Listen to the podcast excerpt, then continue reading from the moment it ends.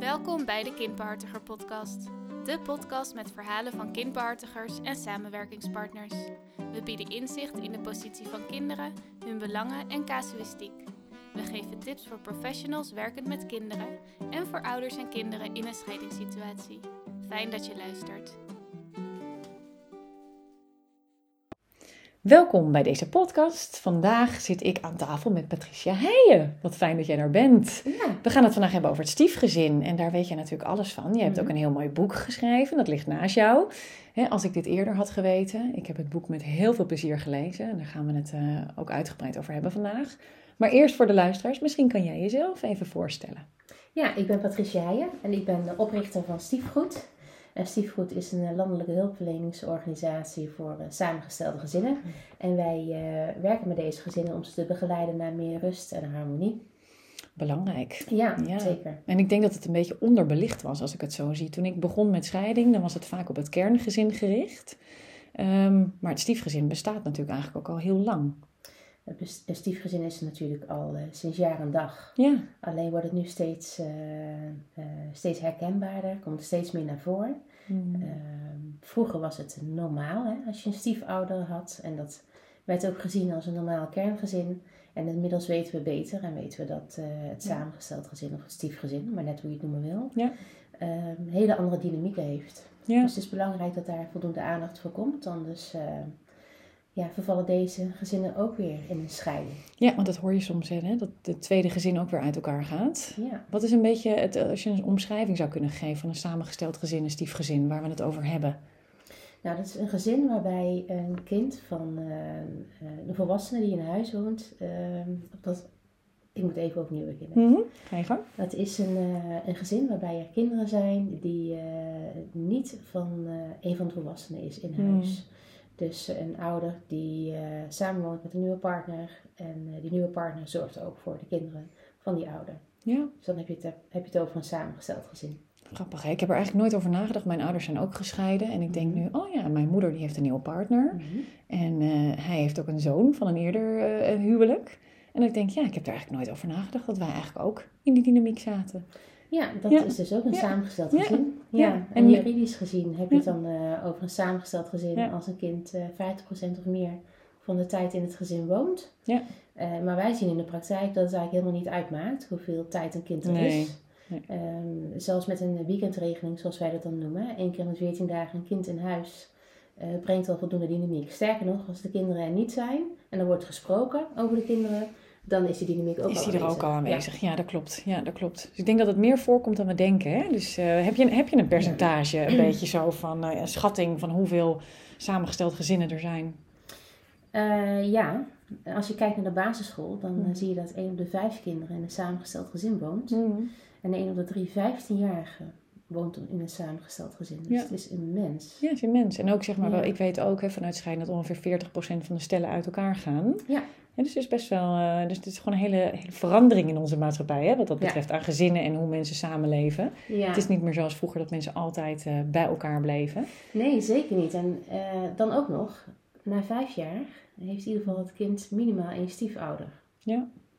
Ja. Dus het komt ontzettend vaak voor. Ja, dus kinderen zien dat ook heel veel voorbij komen. Hè? Ja, de vraag is hoe lang Ja. het nog een uitzondering blijft. Ja, dat denk ik ook hoor. Ik denk dat het steeds gewoner gaat worden. En die taboe die doorbreekt ook een beetje bij kinderen, merk ik in mijn eigen praktijk hoor. Dat eh, toen mijn ouders uit elkaar gingen, toen was het soort van was ik de enige in de klas, denk ik. En nu komt het heel veel voor dat kinderen met gescheiden ouders in een klas meerdere eh, kinderen dat me- meemaken en weten. Dus dat taboe begint te veranderen. Hey, en, en in jouw boek, hè, je hebt, ik ben, ben, wat ik zei, met plezier door jouw boek gegaan. En ik herkende Fijn. heel veel dingen terug over rouw, het systemisch werk. Mhm.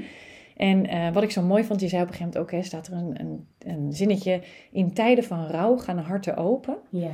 En nog een andere zin daarbij, van nieuwe liefde geeft vreugde, maar raakt ook aan het gemis van wat verloren is gegaan. Ja. Door de scheiding of door overlijden. ja, dat gaat ook over rouw, hè? Ja, Ja. Ja, het een sluit het ander niet uit. je brengt iets mee. Ja, je brengt iets mee. Hè? Je, brengt, eh, je brengt je verleden mee als je samengesteld gezin instapt. Hè? Of een nieuwe liefde krijgt. Eh, en dat betekent dat er ook wel wat extra kwetsbaarheid is. Hè? Want je hebt Ja. natuurlijk ook verloren in het Mhm. nieuwe gezin. Hmm. Eh, en daar word je soms ook in getriggerd. Aan de andere kant maak je dat ook eh, extra gevoelig. Dus je kunt ook beter kijken naar wat er, eh, wat Ja. er gebeurt en wat er wel is.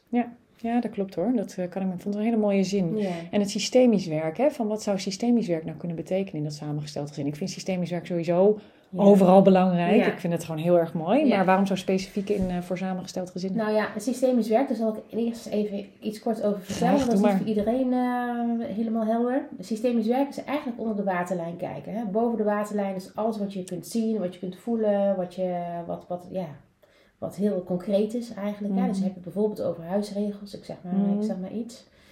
Ehm, of op tijd aan tafel zitten. En onder de waterlijn is datgene wat, wat je zo in je onderbuik voelt, maar waar je Mhm. niet direct de woorden voor kunt vinden. hè. Dus je kunt je bijvoorbeeld eh, heel eh, eh, opgetogen voelen, maar je kunt je ook heel alleen voelen, of heel kwetsbaar voelen, of heel verdrietig voelen, of boos. Of... En dat wil niet zeggen dat je per se weet waardoor dat komt. Nee. Met systemisch werken gaan we dat onderzoeken. Van wat maakt nu dat Ja. je je voelt zoals je je voelt? Ehm, en hoe wij dat in de praktijk doen, is door het, ehm, eh, door het systeem daadwerkelijk neer te zetten. Dus we hebben zeg maar een, een werkveld, moet je denken aan, heel praktisch gezien, een veld van, van 6 bij 6. Mhm. En waarin wij eh, dat samengestelde systeem, hè, dus dan heb je het over het samengesteld gezin, plus eh, de Mhm. mensen die daar direct mee te, te maken hebben, zoals ex-partners, Ja. die geven wij ook een plek in dat systeem. Hè. Dus mensen gaan zelf kijken naar hoe zit ons systeem nu eigenlijk in elkaar en waar zit dan spanning. ja, mooi. Ja, Mooi ook een plek geven. Hè? Dat is zo Juist, belangrijk wat jij zegt. ja. En dan kom je straks in jouw eh, het mooie huis en alles wat daarin stond. Zat dat, eh, was dat ook een van de onderdelen hè, van de grondbeginselen? ja, Ja, of de bouwstenen, als ik het dan eh, goed zeg. De bouwstenen. Ja. Ja, nee, dat, en het systemisch werk vind ik ook mooi. hè, Want het kijkt ook waar kom je zelf vandaan? Wat breng je mee? Wat komt uit je jeugd? Mhm. Ehm, uit welk familiesysteem kom je? En in welk systeem zit je nu? En waar, hoe, hoe, ja, waar staat iedereen? Juist. En hoe kijken ze naar elkaar? En wat hoort bij jou? Wat hoort bij de ander? Ja. En dat komt in jouw boek ook heel mooi naar voren. Je hebt heel mooi eh, eh, dat ook eh hele soort genogrammen ook meegegeven. Ja. Wie de verschillende personages zijn. Die personages gaan ook een beetje als een rode draad door het boek heen. Ja. Dat vind ik ook heel erg leuk. Dat maakt het ook heel erg pakkend. En geeft houvast ook voor de Mhm. lezer. Ehm, nou, je zegt ook dat fundament is zo belangrijk. Wat bedoel je daarmee, dat fundament? Ja, dat is ook een systemische kijk hè, op het samengesteld gezin. Eh, nou, iedereen komt eh, binnen met zijn eigen rugzak. Hè? Zo is het. Hè? En de rugzak van eh, de volwassenen is over het algemeen iets zwaarder beladen dan de rugzak van de kinderen. Ja. Die gaan namelijk al langer mee. Ehm, dus zo komen mensen binnen. Ze komen bij elkaar omdat er veel van liefde is. En dat is ook eigenlijk het enige. Er is liefde tussen de volwassenen en voor de rest is er eigenlijk helemaal niets. Maar liefde is natuurlijk heel erg belangrijk en fantastisch. Maar Mhm. wij weten in het samengesteld gezin dat dat absoluut niet voldoende is. Hè? De Nee. context waarin je leeft is gewoon ongelooflijk ingewikkeld. Ja. Eh, en wat ik merk is dat eh, die volwassenen elkaar heel snel verliezen. Doordat zij loyaal zijn naar hun kind of naar hun ex-partner of wat dan ook. Dat ze verschillende kijken hebben op het leven of over hoe je het vorm wil geven. En wat wij eh, leren is dat wij, wat wij de koppels leren, is dat wij eh, ehm, hoe ze elkaar kunnen versterken. Hè? Dus dat ze Mm. naast elkaar kunnen blijven staan. Mhm. Ondanks de spanning die, die zo'n samengesteld gezin ook op kan Ja. roepen. Ja. Hè, dus in plaats van dat ze vanuit loyaliteit eh, wegbewegen van hun partner, Mhm. waardoor ze eerder tegenover elkaar komen te staan dan naast elkaar, dat ze daadwerkelijk naast elkaar kunnen blijven Ja. staan, maar wel vanuit die positie eh, aan kunnen geven hoe zij het willen. Ja, Hè, dus dat ze elkaar niet steeds verliezen als er Ja. iets speelt. dat je eigenlijk heel, ste- heel stevig naast elkaar kunt staan. Ja. En ik herkende ook best wel wat dingen, want in een kerngezin is dat ook zo belangrijk. Hè? Dat die partners naast elkaar kunnen staan, dat je Mhm. elkaar taal kunt spreken. Ehm, en als je allebei natuurlijk een andere route opgaat, is dat heel erg lastig. Dus overal is dat fundament belangrijk. Maar binnen een samengesteld gezin komt er natuurlijk veel meer ehm, culturen, veel meer eh, ehm, eh, verschillende elementen komen erbij kijken. En Ja. je hebt niet die bloedband die je soms nee, met je geen ouder... gezamenlijk belang. Nee, dus het is een heel ander, hele andere eh, dynamiek die daar natuurlijk Ja. kan heersen. Ja, in de kerngezin heb je natuurlijk Ja. de kinderen, wat het gezamenlijk belang is voor, de, voor de ouders. En dat is een soort van die onvoorwaardelijke liefde. Ik vond het ook zo pakkend wat in het boek kwam naar voren van... Het vond ik een hele goede geur. Dat gaf je Mhm. aan in het boek. Mhm. Ehm, want dat vergeten we soms. Dat vanuit hechting en zintuigen... Je wordt soms verliefd vanuit een geur. Eh, iedereen kan zijn eigen kind uit duizenden ruiken. En dat Mhm. vind je nooit vies, al stinkt het. het is, dat is je eigen kind. En eh, ik vond dat heel pakkend. Van ja, maar als het niet jouw eigen kind is... en er zit een bepaalde geur bij die niet prettig is... doet dat iets. En dat Ja. maakt het, vond ik al zo duidelijk maakt. Dat ik denk, ja, dat is iets waar je dan naar moet zoeken. Van hoe ga je daar inderdaad mee om? En grappig dat je ook een voorbeeld was er in het boek met twee wasmachines, geloof ik. Ja, ja. Ja, van, uh, ja dat vinden mensen onvoorstelbaar, maar zo werkt het soms echt. Ja, soms werkt het zo echt. Dat, uh, dat uh, cliënten binnenkomen, dat ze zeggen, we hebben twee wasmachines gekocht, want de, de kleding van zijn kinderen mag niet bij de kleding van mijn kinderen. Ja, dat voelt natuurlijk heel gescheiden en alsof, ja, alsof het er niet mag zijn. Enorm. Maar het raakt ook weer aan dat zintuigelijke stuk, die geur en, en hoe wat een verschil tussen je eigen kind versus een kind van iemand anders kan zijn. Ja, Ja. en eh, daar kunnen wij natuurlijk met z'n allen iets van vinden. Hè? Hmm. Maar dit zijn allemaal noodgrepen. Ja, tuurlijk. Dus, hè, de- Ja. Vaak komt het ook voort uit eh, je niet gezien voelen Nee. als eh, stiefouder zijnde. Ehm, waarbij je vooral gaat kijken naar de praktische kanten. Hè? Hmm. Ik voel me niet gezien. Dat is dan meestal niet de tekst die mensen gebruiken. Hè? Nee. De tekst die erbij hoort is... Jij. ik heb niks te zeggen. Ja. Jij voedt je kinderen niet goed op. Ja. Eh, je kinderen hebben geen, eh, eh, geen fatsoen. Hmm. Zie je wel, ze hebben zich weer niet gedoucht. Dus, ze- dus ze stinken. Ja. En ik wil niet dat die kleding Ja. in mijn wasmachine komt. Nou, Ja. dat is natuurlijk verschrikkelijk. Dan ga je bekritiseren, ga je elkaar Enorm. kwijtraken Ja, daarin. ja, dat is echt Nee, dat is verschrikkelijk gewoon- voor iedereen eigenlijk. En daarom is dit ook zo belangrijk om preventief, als je hier aan begint, want dat vind ik ook zo mooi. Van, Mhm. Ehm, juist, hè, van, er stond ook iets van, ja, je weet waar je aan begint. Dat weet je toch als je verliefd wordt. Nee, dat Ja. weet je niet, want verliefdheid is een soort extase waar je in belandt. Dan wil je graag bij Ja. diegene zijn en dan vind je Ja. alles goed en je accepteert alles. En je denkt, joh, kinderen erbij, gezellig, alles prima. Het, het is niet per se de fase van twee voeten op aarde. Nee, en dat is natuurlijk daarna. En ik denk hoe goed het is als mensen daar, als je daaraan begint, dat je dat ook goed voorbereid kunt doen. En de Mhm. uitdaging kunt zien. En dat vind ik ook ten aanzien van de partnerrelatie en het krijgen van een kindje. Mhm. Ehm, hè, want daar ben je ook niet altijd op voorbereid. En dan word je ook in het Nee, midden gegooid en denk je, ah, en dit natuurlijk, hoort daar, hoort daar wat mij betreft ook bij. Hey, als we naar die, die grondbeginselen en bouwstenen gaan, kun je daar Mhm. wat over vertellen? Ja, ehm, ik heb gemerkt in de afgelopen tien jaar dat steeds dezelfde thema's terugkomen in het Mhm. samengesteld gezin. En dat zijn thema's, thema's die mij inziens eh, eigenlijk altijd besproken moeten worden binnen, Mhm. binnen de begeleiding. Al is het alleen maar op de toetsen, eh, hoe mensen daarmee omgaan en of dat ze daar een beetje gevoel bij hebben, ja of nee. En als het niet helemaal klopt, eh, Mhm. dat we daar ook actie op, eh, op kunnen uitvoeren of het verder kunnen onderzoeken. Hè? Ja. Eh, je moet bijvoorbeeld denken aan financiën. Dat Mhm. is altijd zo'n onderwerp wat mensen heel graag vermijden. Maar ik weet ook dat als je het niet bespreekt en niet toetst hoe het daarmee staat, en dan heb ik met name over balans, hè, balans in geven en nemen, dat het uiteindelijk altijd als een duveltje uit een doosje oplopt. Ja.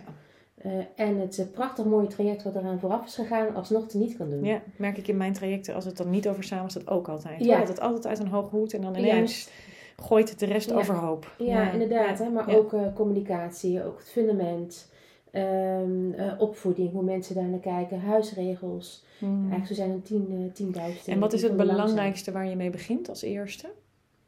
We hebben een logische route. Ja?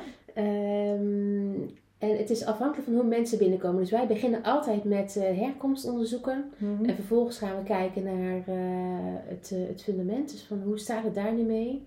En uiteindelijk onderzoeken wij heel goed de waarden, maar ook de communicatie, de opvoeding, huisregels. We gaan met elkaar aan de slag Hmm. om te kijken wat er nodig is om ook ehm, in de toekomst een fijn samengesteld gezin te kunnen hebben. Ja. Dus wat er nodig is qua onderhoud. In de bouwstenen is op zich geen logische volgorde. Nee. Eigenlijk zijn dat thema's die we aanraken Ja. en die we ook ehm, eh, scannen. Dus wij Ja. doen een soort nulmeting op het moment dat de cliënten binnenkomen. Ja. Om te zien wat, ehm, eh, wat de stand van zaken is. En wat ik dan mooi vind, je, van je doet wel met, met hè, dat je het fundament, dat je de basis van het huis, laat ik het even zo Ja. zeggen, want jullie hebben het mooi in dat huis ja. Je bouwt, dat moet stevig zijn, want als dat niet staat, Ja, dan kan de rest ook, gaat de rest natuurlijk ook ja, wankelen. je hebt een onder de waterlijn bouwsteen, Precies. zeg maar, en Ja, boven de waterlijn Ja. bouwsteen, hè, waarbij eh, huisregels zeker boven de waterlijn eh, hoort, maar Mhm. eh, fundament, maar ook eh, eh, ehm, ehm, Ik moet denken aan verwachtingen ook, hè? verwachtingen die Ja. ze ten opzichte van elkaar hebben. Ja. Ehm, dat vind ik ook, maar ook plek, hè? dat is ook een belangrijke. is een heel Verdraagzaamheid, ja. Verdraagzaamheid kon even niet op het woord komen. Dat is een heel belangrijke. Eh, dat Ja. onder de waterlijn eh, echt moet kloppen. Ja, dus als je dat niet hebt, dan... Ja, het grote hart is nodig. Ja, Als er geen groot hart is of weinig ruimte is, dan, dan is het heel ingewikkeld om een samengesteld gezin te laten slagen. Kan het nog verschil zijn ten aanzien van het, de hoeveelheid kinderen die erbij komen kijken? Nee, Dus als je Nee. één, één kind erbij krijgt, hè, eh, maakt, niet uit. niet uit. Nee. Nee, dat Nee. denken mensen wel Ja. altijd. tot het fundament goed staat. Tot mensen echt Mm. voelen van hé, hey, wij staan met z'n tweeën opgeleid en wij kunnen dit. En dan eh, maakt het niet uit hoeveel kinderen erbij Nee. komen. Dat testen we ook altijd in de Ja. opstelling. Te zien van, maakt het nu daadwerkelijk verschil of je nu Mm. eh, vier kinderen hebt samen of je hebt tien kinderen samen. Ja. En eh, ik krijg altijd terug dat het echt niet Dat uit. dezelfde dingen als een rode draad eigenlijk terugkomen. Juist, Ja. ja. Wat zijn de, de meest voorkomende vragen die je terug ziet komen vanuit mensen die dan worstelen ten aanzien van het samengesteld gezin? En de liefde, de eerste verliefdheid is een beetje, het stof is gedaald, de liefde is er, je wil wel verder, maar de uitdagingen komen om de hoek kijken. Ja, er zijn eigenlijk altijd boven de waterlijn uitdagingen.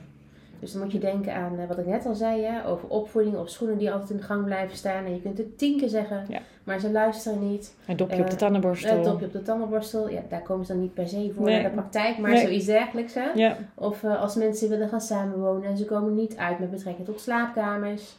Een, een ex die ingewikkeld doet door hun ogen. Eh, dat, soort, eh, Ja. dat soort signalen. En hoe zit het met de loyaliteit dan ten aanzien van ex-partners? Want als ik kijk natuurlijk met... eh, in mijn praktijk hebben we ook samengestelde gezinnen hoor. Maar als ik Ja. kijk naar het kerngezin Ja. en dan de ex-partners... Die, zijn, die gaan goed harmonieus met elkaar om. Maar ik zie natuurlijk ook de andere gevallen waar ze meer in conflict zitten met elkaar. Ehm, zie jij daarin een verschuiving op het moment dat er een samengesteld gezin is... dat dan de ex-partner weer juist een... Ja, dan gaat het weer opleveren. Dan gaat die loyaliteit juist misschien weer meer richting die ex-partner soms. Zie je dat ook wel eens terugkomen? Ja, het is afhankelijk van de strategie. Ja. die iemand eh, kiest. Hè? Dus als we het hebben Ja. over de twee ex-genoten, ik noem ze even zo, met, eh, dus de stiefouder en ex-genoten. Ja. Ik merk dat, eh, dat ex-genoten een vorm moeten vinden hè, om nog met elkaar om te kunnen blijven gaan. Hè? Dus hoe word je nu van, eh, van partnerrelatie, hoe, hoe transformeer je nu naar dat alleen nog het ouderschap overblijft. Hè? Dus Ja. hoe vind je daar nu vorm voor? En op het moment dat er een nieuwe partner bij komt, komt dat eigenlijk weer onder druk te staan. Hmm. Het is natuurlijk ongelooflijk spannend, want er komt eigenlijk een derde bij. Hmm. Dus dat is, eh nou, en wij hebben ook geleerd, op het moment dat er een derde bij komt, dan wordt het echt ingewikkeld. Hè? Hmm. Dan heb je natuurlijk ook al in de relatie zelf, als dat eh, zo is. Hmm. Maar ook daarbuiten. Dus als er dan een Hmm. stiefouder bij komt, ik noem het even zo, voor de helderheid.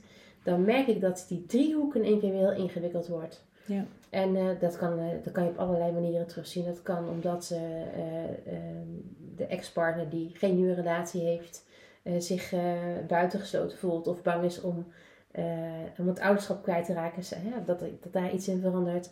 Of eh, die andere eh, ex-genoot die dus een nieuwe partner heeft, die het idee heeft dat hij zo ertussenin zit, tussen zijn ex-partner en zijn nieuwe partner en het voor iedereen goed wil doen. Hmm. Dus in zo'n spagaat terechtkomt. Ja. Maar ook die nieuwe partner die dan die daar ook weer een plek in moet zien te krijgen. Ja. Hè? Van waar is hij nu wel van en waar Ja. is hij nu niet van? En het is natuurlijk ook lastig hoe kinderen soms ook reageren. En ik maak natuurlijk in mijn praktijk mee die Ja. ook aangeven van... ik vind mijn stiefouder echt vreselijk. Ja. Maar ik zie ook de kracht die een, die een stief... Ja, ik noem het Ja. vaak een stiefverzorger. Of een st- Ja. Jullie hebben het over de stiefrol. En niet per se de stiefouder. Maar het is allemaal het is in die zin hetzelfde. Het is maar net welke, wel, wat er aan hangt. Aan, eh, aan of het iets negatiefs of positiefs wordt gezien. Eh, maar ik merk dan wel vaak dat ook kinderen ook juist weer dat het een kracht kan zijn. De rol van, van de stiefverzorger of stiefouder. Van wat fijn dat die er is. Want er, dat, dat is even wat neutraler dan mijn eigen ouders. Eh, dat dat juist heel erg welkom kan zijn. Of iets wat zij niet hebben gehad tussen hun ouders met alleen maar ruzies. En dat ze nu ineens een voorbeeld hebben waar allebei hun ouders gelukkig zijn met een nieuwe partner. Waar ze juist dat positieve weer zien in hoe een relatie Ja. kan zijn. Ja, het is heel fijn voor eh, kinderen als een stiefouder Ja. eh, goed geïntroduceerd wordt. Want dat is natuurlijk wel van belang. Wat, ik, wat ik veel zie is dat stiefouders ongelooflijk hun best doen. En daar gaat het precies Het is mis. geen gemakkelijke rol. Het is echt een ingewikkelde rol, maar eh, om een of andere reden wordt de lat ook altijd zo eh, hoog Mhm. gelegd. Hè? Vaak vanuit, eh, zie mij het hier heel erg goed doen voor iedereen. Dan heb ik ook meer kans dat mijn relatie slaagt. En een kind wat ondankbaar lijkt te zijn, want die is misschien nog niet in staat om dat allemaal te omarmen. Ja, maar soms ook is de tempo ook zo ontzettend Ja, hoog. ja. Want als we het over die introductie hebben, hè, dat is een belangrijk stuk wat je in je boek ook noemt, hè, de volgorde waarin dat Mhm. gebeurt. Kun je daar Mhm. wat over vertellen? Ja, eh, hou het tempo van het kind aan. Mhm. ik denk Ja. dat ik dat eh, vooral het ten mooi- eerste wil Daar ben zeggen. ik het helemaal mee eens. Nee, dat zeg ik ook altijd. En dan vragen Ja. ouders ook wel eens in mijn praktijk van, is dat dan een half jaar? Is dat een jaar? Ja, ik dat- zeg, ik dat- heb geen idee. Nee. Dat kan volgende week zijn. Dat kan inderdaad, gemiddeld hou ik een beetje eh, aan een half jaar, maar meer van je eigen relatie moet steady zijn. Jij moet van overtuigd zijn dat deze partner, dat je daar graag mee verder wil. Ben je in een soort Mhm. datefase met allemaal verschillende Mhm. mensen, is dat ook al verschillend. Mhm. Maar het hangt er ook heel erg vanaf waar je kind in zijn rouwproces zit, waar je kind vandaan komt, hoe je kind met veranderingen omgaat. Ja, Dat- en, en ja. ze- het gaat Ja. nooit precies zoals je het bedacht hebt. Nee, Dat zeker niet. En ieder kind is ook weer anders. Ja. klopt. Eh, dus één ding is zeker, je gaat het nooit helemaal goed doen. Nee, nee. Dat is heel erg duidelijk. Maar Nee. vertraag wel een beetje. Hè? Want, ja, ja. als je verliefd bent kun je ook wel het idee hebben dat het... eh, dat, Moet morgen, maar ja. Dat, dat eh, eh, de wereld one happy place is. Maar zo is het niet. Nee, dus vertragen en het tempo volgen. Hebben, ja, Ja. hebben net meegemaakt dat hun ouders uit elkaar gingen. Of dat ze een ouder verloren hebben hè, door overlijden. Dus dat is een, een totaal andere beleving. Doe het rustig aan, kijk goed naar het kind. Ja. Ehm, eh, en vraag oprecht in plaats van suggestief. Hè? Ja, Vind je het leuk dat ik... eh zou je het leuk vinden als ik weer verliefd zou zijn? Hoe vaak dat voorbij komt, dat wil je niet weten. Ja. Eh, ja, en wat gaat een kind dan zeggen? ja. Eh, Uit loyaliteit wil je natuurlijk dat je ouders- leuk, ja, papa ja. Hoezo? ja? Ja, waarschijnlijk voor, je, voor, voor, voor diens ouder. Ja. Eh, omdat hij eh, de ouder een goed gevoel wil geven. Maar daar houdt het ook echt wel op. En in de introductie eh, is daar nog iets in belangrijk dat de volwassenen elkaar eerst ontmoeten. Ja. Als ja. dat kan. Als, Als, dat kan, ja. heel graag. Dan moet, Ja. Natuurlijk, iedereen moet daarvoor openstaan. Eh alsjeblieft neutraal terrein, dat wil ik heel graag meegeven. Mhm. En het liefst zonder de ouder erbij.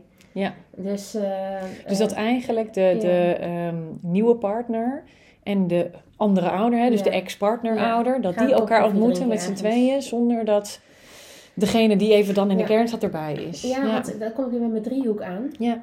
Eh, zodra de derde erbij komt, wordt het ingewikkeld. En dat is ook in deze situatie zo. Je komt meteen in een, in een bijzondere dynamiek terecht. Ja.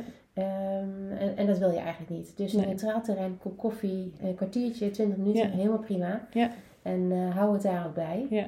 Dus dat, als, ja, dat, dat is heel fijn als dat kan. Ja. Dan heb je als, eh, als ex-partner ook het idee dat je een beetje weet Mm. wat er, eh, wat er Mm. speelt. Eh, je kunt elkaar al even aankijken, het is niet meer helemaal vreemd. En het belangrijkste is, het hoeft dus niet allemaal meer via de kinderen. Nee. Want dat is wat vaak gebeurt op het moment dat Klopt, die ja. exen, of die nieuwe partner en die ex elkaar nog niet ontmoet hebben. Dat de kinderen toch vragen krijgen. Ja. Al is het suggestief. Oh, is het suggestief? Ja. Ja. ja. Hey, en, en voor, zo'n, voor een, een stiefouder uiteindelijk als je in beeld bent en die ontmoeting heeft plaatsgevonden. Wat is belangrijk om rekening mee te houden vanuit de positie van de kinderen hè, ingegeven, de loyaliteiten, dat Ja. wat, wat, wat zijn een beetje eh, de to-do's en de, de, Nou, de don'ts, laten we het zo zeggen. Ja. Ik wil er eigenlijk maar één meegeven. En dat is eh, de volgende. eh, laat het kind tempo bepalen. Hmm. Eh, want als stiefouder eh, doe je over het algemeen erg je best. En daarmee Mm. ga je soms net iets te snel. Dus eh, je stelt misschien net even iets te veel vragen. Je wil het kind omarmen, ik noem maar Mm. iets. Hè? Of het kind naar bed brengen, of een verhaaltje voorlezen. Hmm. Of wat dan ook. Het mag ook andersom. Hè? Dus, Ja. ehm, Ja, wat ik misschien een mooie- meer naar de ja. stiefouder toe komen Ja. in plaats van. Nou, dat wou ik net zeggen. Dat vind ik een hele mooie. Ik moet dan denken aan, aan jonge kindjes. Wat wij vaak bij jonge kindjes doen, is dat je het kind laat komen. Ik doe dat sowieso in mijn begeleiding. Kijk, ze komen hier natuurlijk binnen ehm, en dan gaan we iets doen. Maar ik kijk wel eh, ehm, waar het kind wil zitten. Of je wel of niet dichtbij gaat. Je, Ja. je houdt rekening met de ruimte, de nabijheid, de afstand van het kind. Je volgt Ja. het kind. Je laat een kind komen. En natuurlijk zetten wij tools in. Maar bij hele jonge Mhm. kindjes doe je dat ook. Daar ga je Mhm. ook vaak niet op, op af. Nee. Ehm, en dat is misschien eigenlijk een hele mooie Dat om dat in gedachten. Ja, dat geldt voor eigenlijk, dat wou ik net zeggen, geldt voor alle kinderen. Ja. Want het is goed om in gedachten te houden. Eh, eh, een kind moet dat even aanvoelen eh, en aftasten. Dus dat vind ik eigenlijk wel een hele mooie tip. Ja, en dat kan eh, een half jaar, een jaar duren. Ja. Misschien nog wel langer. En wat zijn dingen waarvan jij zegt, doe dat, doe dat absoluut niet? Eh, het tegenovergestelde natuurlijk Ja. in deze. En ga alsjeblieft niet de betere ouder zijn. Nee. En daarmee bedoel ik dat je ehm, vindt dat een ouder het op een bepaald front laat liggen en dat je het over gaat nemen. Ja, dus respecteer ook ieders plek. Kijk, wij maken Ja. ook wel eens mee dat er natuurlijk ouders zijn waar ehm, daadwerkelijk iets kan zijn, hè? waar een stoornis kan zijn of een ouder iets. Dan nog zul je die ouder de plek moeten gunnen. Kun je het niet gaan kind overnemen. heeft maar twee ouders. Ja. ja, dus dat is heel belangrijk om dat Ja. te erkennen. En eh, Ja. het haalt ongelooflijk veel druk weg. Dus als Ja. je dit als stiefouder aan kunt Ja. nemen, hè? Ja. als therapeuten Ja. dit, als ik dat zo Dus insluiten, wat we Ja, zeggen, het het systemische. Ja. insluiten. Ja. En als je als, als stiefouder kunt zeggen, hey, het kind heeft al twee ouders, ik vind er van alles van en ik doe er lekker niks mee. Ja. Ik ben gewoon mezelf. En als het kind wil, ben ik er voor hem of haar. Ja. Nou, dan heb je al zo ongelooflijk Dan heb je iets gewonnen. Ja. Ja. En dat vind ik kinderen ook belangrijk. Hè? Congruent zijn, echt zijn, Ja. oprechtheid. Ja. Niet, geen druk, iets, niet iets willen van mij. En gewoon tijd voor jezelf Tijd nemen. voor jezelf Ook als de kinderen er zijn. Je mag gewoon weggaan. Ja. Er heeft niemand gezegd dat als Nee. de kinderen er zijn, dat je als, eh, als brave surrogaatmoeder of vader op de bank moet gaan zitten met het kind. Helemaal niet. Je hebt gewoon je eigen Je leven. hebt je eigen Je leven. bent de vriendin of de vriend van eh Mm. diens ouder. Hmm. Eh, En that's it. Ja. En alles wat meer komt, dat is alleen maar bonus. Ja. En wat is belangrijk voor de ouder zelf om aan het kind te tonen dat het kind op één blijft staan? Hè? En eh, dat is altijd lastig, hè? Want wat, ja, er wordt altijd zo genoemd: wat staat op één, wat staat op twee. Het is Ja, allemaal verschillend. Het zijn Ik verschillende relaties, maar wat zijn waardevolle Ja. tips voor ouders die een beetje in die dynamiek zitten van. Ik, ik maak ze ook in mijn praktijk mee die zeggen van ik loop echt wel een beetje vast in dat ik aan de ene kant mijn partner heel lief heb, mijn nieuwe partner, en die wil ik graag laten zien. Maar die vraagt wat van mij en doet een bepaald beroep. Maar mijn kind ook. En die zie ik ook worstelen. Mhm. Die twee gaan niet helemaal goed samen. Wat moet ik doen? Hoe doe ik dat? Dat is natuurlijk een struggle. Ik wil bijna zeggen, bemoei je er niet mee. Dat Ja. is een, eh, een hele belangrijke. Wat ik veel zie, is dat een ouder zich tussen Ja. eh, de stiefouder en het kind inplaatst. een beetje. Dus bemiddelen die of gaat iets. Juist. Ja. Die, gaat, eh, die gaat de boel regelen. Dus die komt op voor het, eh, voor het kind. En dan eh, wordt de woorden een beetje verdraaid. En dan vertelt hij dat weer op net iets andere manier aan de stiefouder. Zodat die zich ook weer eh, helemaal oké voelt. Nou, en dan weet je één ding zeker, dan gaat het mis. Eigenlijk komen we dan weer op je driehoek uit. Ja. Blijf er tussenuit. Een, een, een stiefouder en een kind kunnen... Het, het makkelijkste voor hen is als ze het zelf mogen oplossen. Ja. En dat zal echt niet altijd gaan, dat begrijp ik ook. Het maakt het alleen een stuk eenvoudiger. Ja. En op het moment dat het te risicovol is, of dat je ziet dat, er, dat iemand schade wordt toe, eh, eh, toegebracht, natuurlijk grijp je dan in als Ja. ouder zijnde. Maar laat ze ten eerste gewoon zelf oplossen. En Net dit is- met vriendjes onderling. Ja, en dit is, ik wou net zeggen, hetzelfde met vriendjes onderling, Juist. maar ook met ex-partners in die zin. Als er niet een nieuwe partner bij is, kan het kind ook thuiskomen en zeggen dit en dat en dat met papa of met mama. Ja. Dan zal het kind ook moeten leren hoe hij dat zelf oplost. Want die heeft zijn eigen relatie op te zoeken met die ouder. Ja. En ik, nou komt hij weer terug, maar ik gebruik altijd het krukje. Dat is van eh, eh, blijven staan ons- ondanks de storm. En dan heb je eigenlijk het krukje voor kinderen waar je zegt eh, de drie poten. Als er één niet in balans is, dan helpt het niet. Dan heb je steunen, stimuleren en sturen. En hoe stimuleer je het kind? Hoe steun je het kind? En hoe stuur je het kind? En als je dat doet op een manier van, nou laat maar, ik los het wel op. Mhm. Hè, dan is die poot, dat is, niet, dat is niet in balans. Of ga je negatief praten over de andere, dan, dan steun je niet. Mhm. Hè, Dus je moet zorgen dat het krukje blijft staan en dat het kind dat zelf eigenlijk kan, eh, kan oplossen. Ja. Dat herken ik hier eigenlijk ook terug, als ik jou dat zo Ja. hoor zeggen. Ja, inderdaad. En eh, wat ik vooral veel merk in de, in de Mm. praktijk ook, hè, want ik heb het eh, tot nu toe eigenlijk nog steeds over cliënten gehad, maar het is ook wel, als ik kijk naar de hulpverlenend Nederland, hè, zie ik Mm. dat dit stuk ook eh, over het algemeen vanuit de kerngezin gedacht Ja. wordt eh eh, aangevlogen. Zie je dat ook bij ouderschapsplannen bijvoorbeeld? Want ik weet als ik even ouderschapsplannen onder ogen heb gehad en wel eens heb meegekeken, dan zie ik altijd wel de nieuwe partner daarin staan. Van stel er komt een nieuwe partner of een nieuwe scheiding of iets, dan wordt dat gemeld tussen de ouders. Mhm. Maar als ik heel eerlijk ben, vind ik dat de nieuwe partner nog geen echte plek heeft. Die wordt plek. zijdelings genoemd, maar ook met schoolgesprekken gaan tussen ouders. Mhm. En alleen met toestemming van ouders al mag de eventuele eh, stiefouder daar wel of niet bij zijn.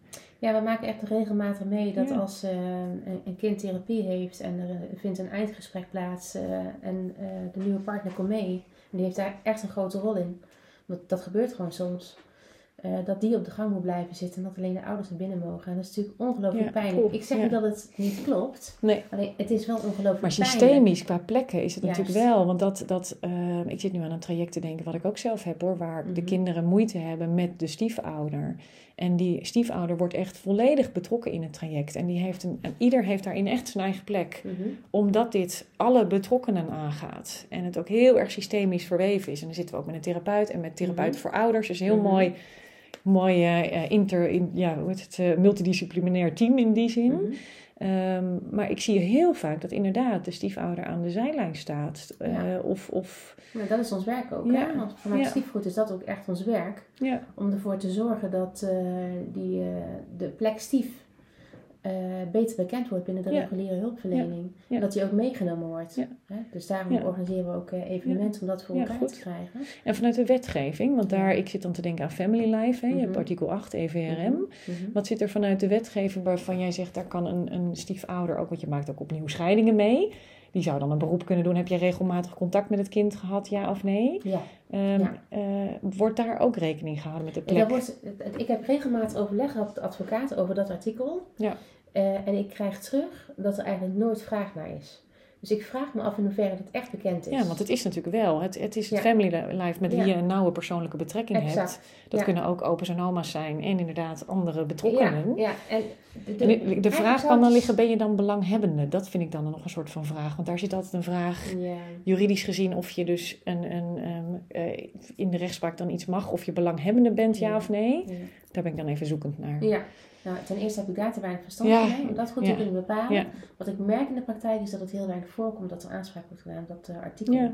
Dus dat is natuurlijk heel erg jammer, want eh, als samengesteld gezinnen weer uit elkaar gaan, Hmm. eh, het is voor kinderen heel indrukwekkend. Ja. Als een samengesteld gezin weer uit En stel dat een, Het een, stiefouder een, verzorger, een verzorgende rol heeft gehad voor tien Mhm. jaar. Mhm.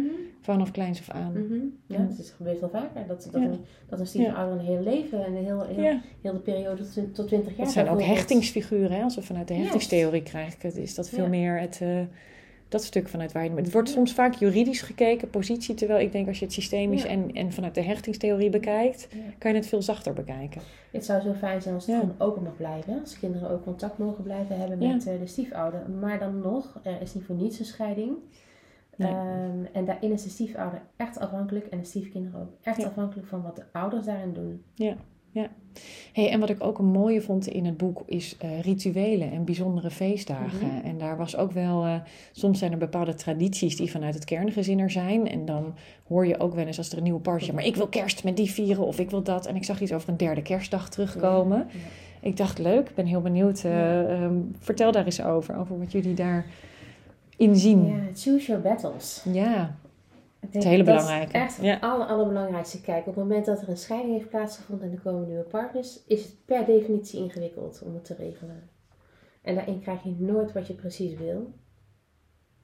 Ehm, dus ja, weet je, choose your battles. Ja. En, en ben gewoon creatief. Verzin iets. verzin een eigen ritueel, verzin, Verzin- een verzin eigen iets. iets. met elkaar. Ja, waardoor je een soort, eh, de- waardoor je, ehm, een soort eh, eigenheid eh, gaat krijgen als samengesteld gezin zijnde. Ja. En oké, weet je wel, kerst is echt heel belangrijk. Dat, ziet, eh, Ja. dat zien de meeste mensen ook zo. Maar moet het nu echt per se op de eerste en tweede kerstdag? Ja. Waardoor de kinderen echt een idiote agenda hebben. Ik kan het niet anders zeggen. Ja. Eh, maak er een derde kerstdag van. Of vier eh, oud en nieuw uitgebreid samen.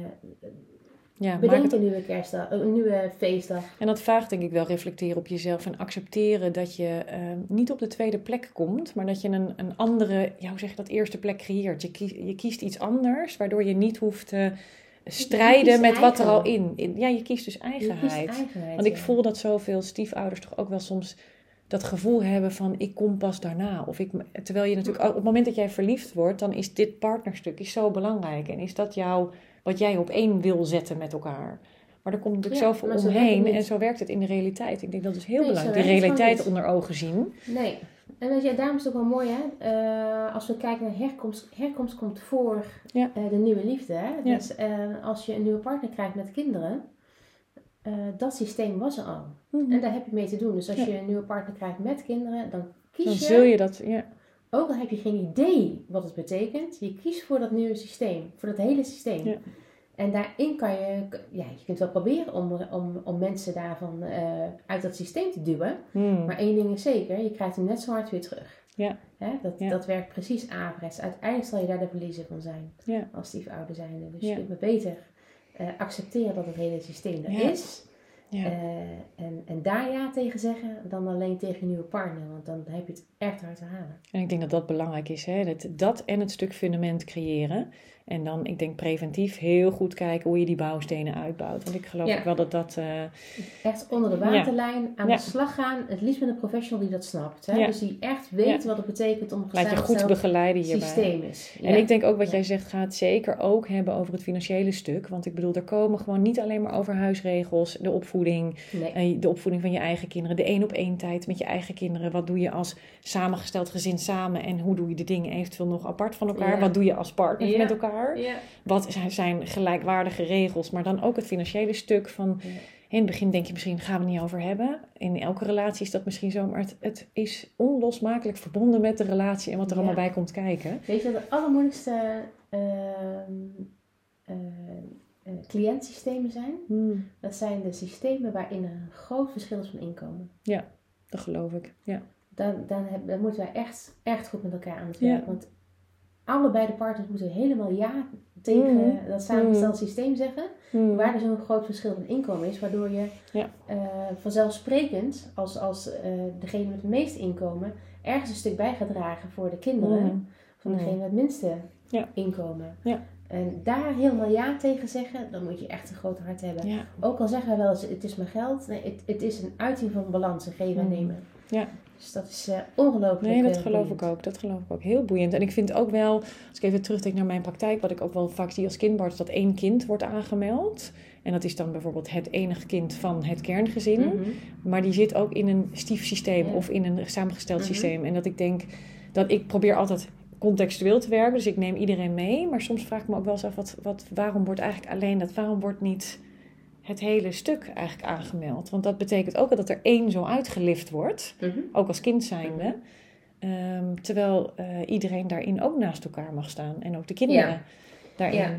Hey, en als, als eh, in dat kindsysteem er ook weer een nieuw kindje bij komt. Ja. Vanuit die nieuwe partnerrelatie.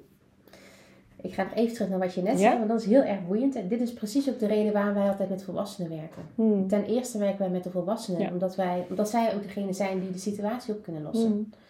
Ehm, eh, dus dat. Hmm. En als er een nieuw kindje weer bij komt in het systeem, eh, ja, dat is natuurlijk fantastisch. Hè? Eh, over het algemeen, dat is niet altijd zo, maar over het algemeen vinden mensen het helemaal geweldig. Ook Mm. kinderen vinden het over het algemeen Mm.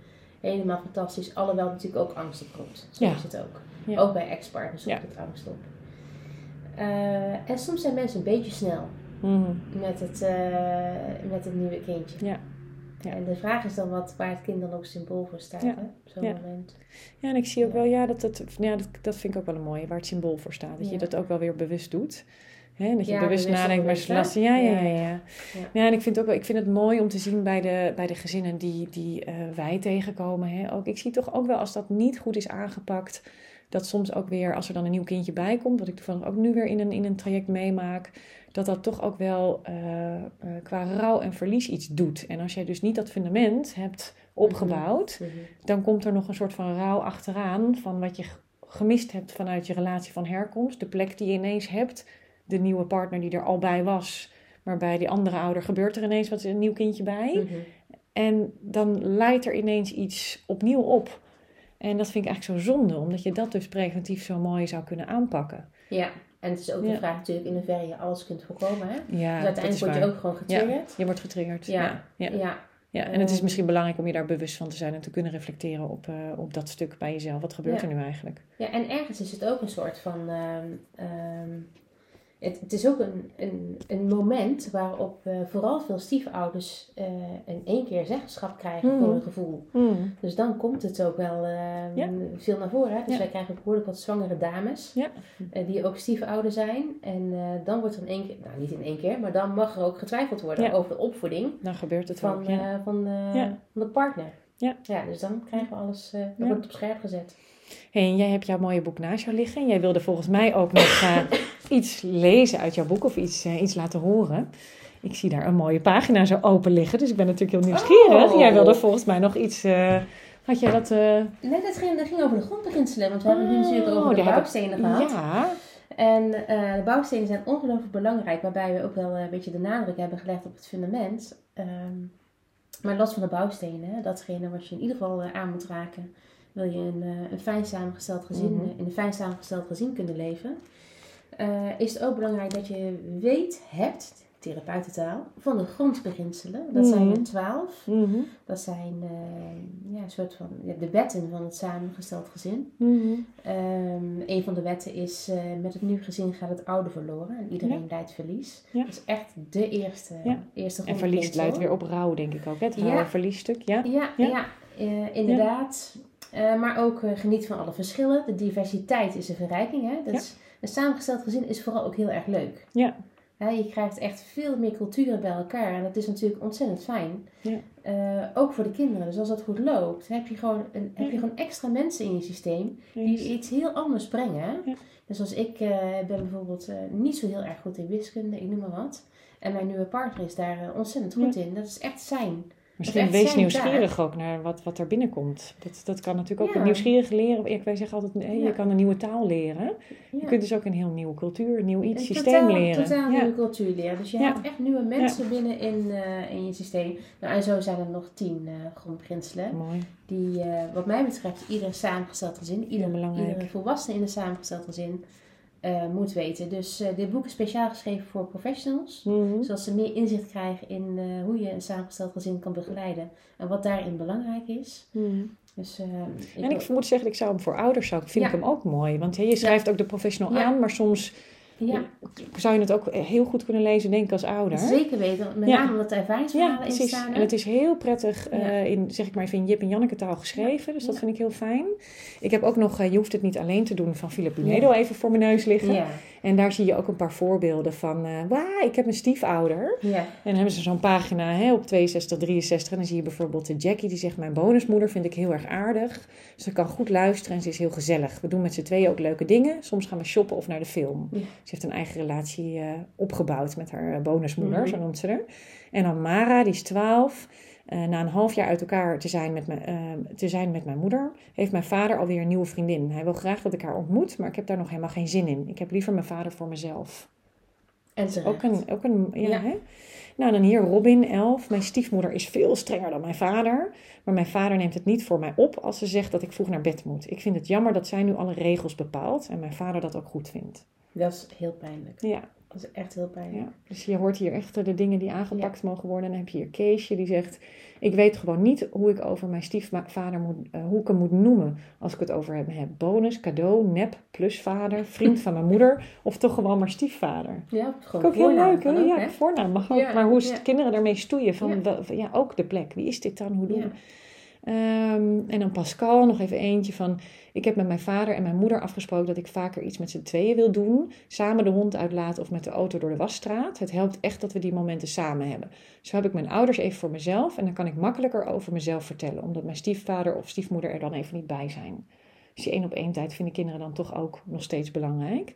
Dus ik lees hier zowel positieve als, eh, als, als even uitdagende dingen. En Filipinedo heeft ook een mooie brief hè, voor, aan de nieuwe partners voor onze ouders geschreven. Dus dat is heel fijn. Dus dat kan ook nog bekeken worden.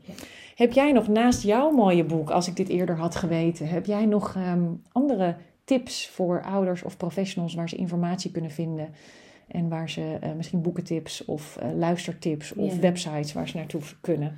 Ja, ik moet je eerlijk het is een beetje eh bij van WC Eend, adviseren WC Eend. Maar we hebben natuurlijk een website die ongelooflijk gevuld is met allerlei blogs, podcasts, video's. eh, Hmm. Eigenlijk alles wat je maar wil. We horen ook terug van ouders dat ze heel erg blij mee zijn. Hmm. Dat ze ook wel helpt om eh, beter in een samengesteld gezin te zitten. ja. Dus dat zou ik ze wel eh, willen adviseren Ja. om daar goed in te duiken en te gasduinen. Ja, en gewoon de website door te spitten en eens te kijken wat ze daar kunnen vinden. Zeker. Ja, en ook als ze, wat, eh, als ze advies willen. ehm, weet je, je hebt bij ons ook gewoon de kans om een gratis inloopspreekuur dit daarvoor in te Fijn. schrijven. Ja.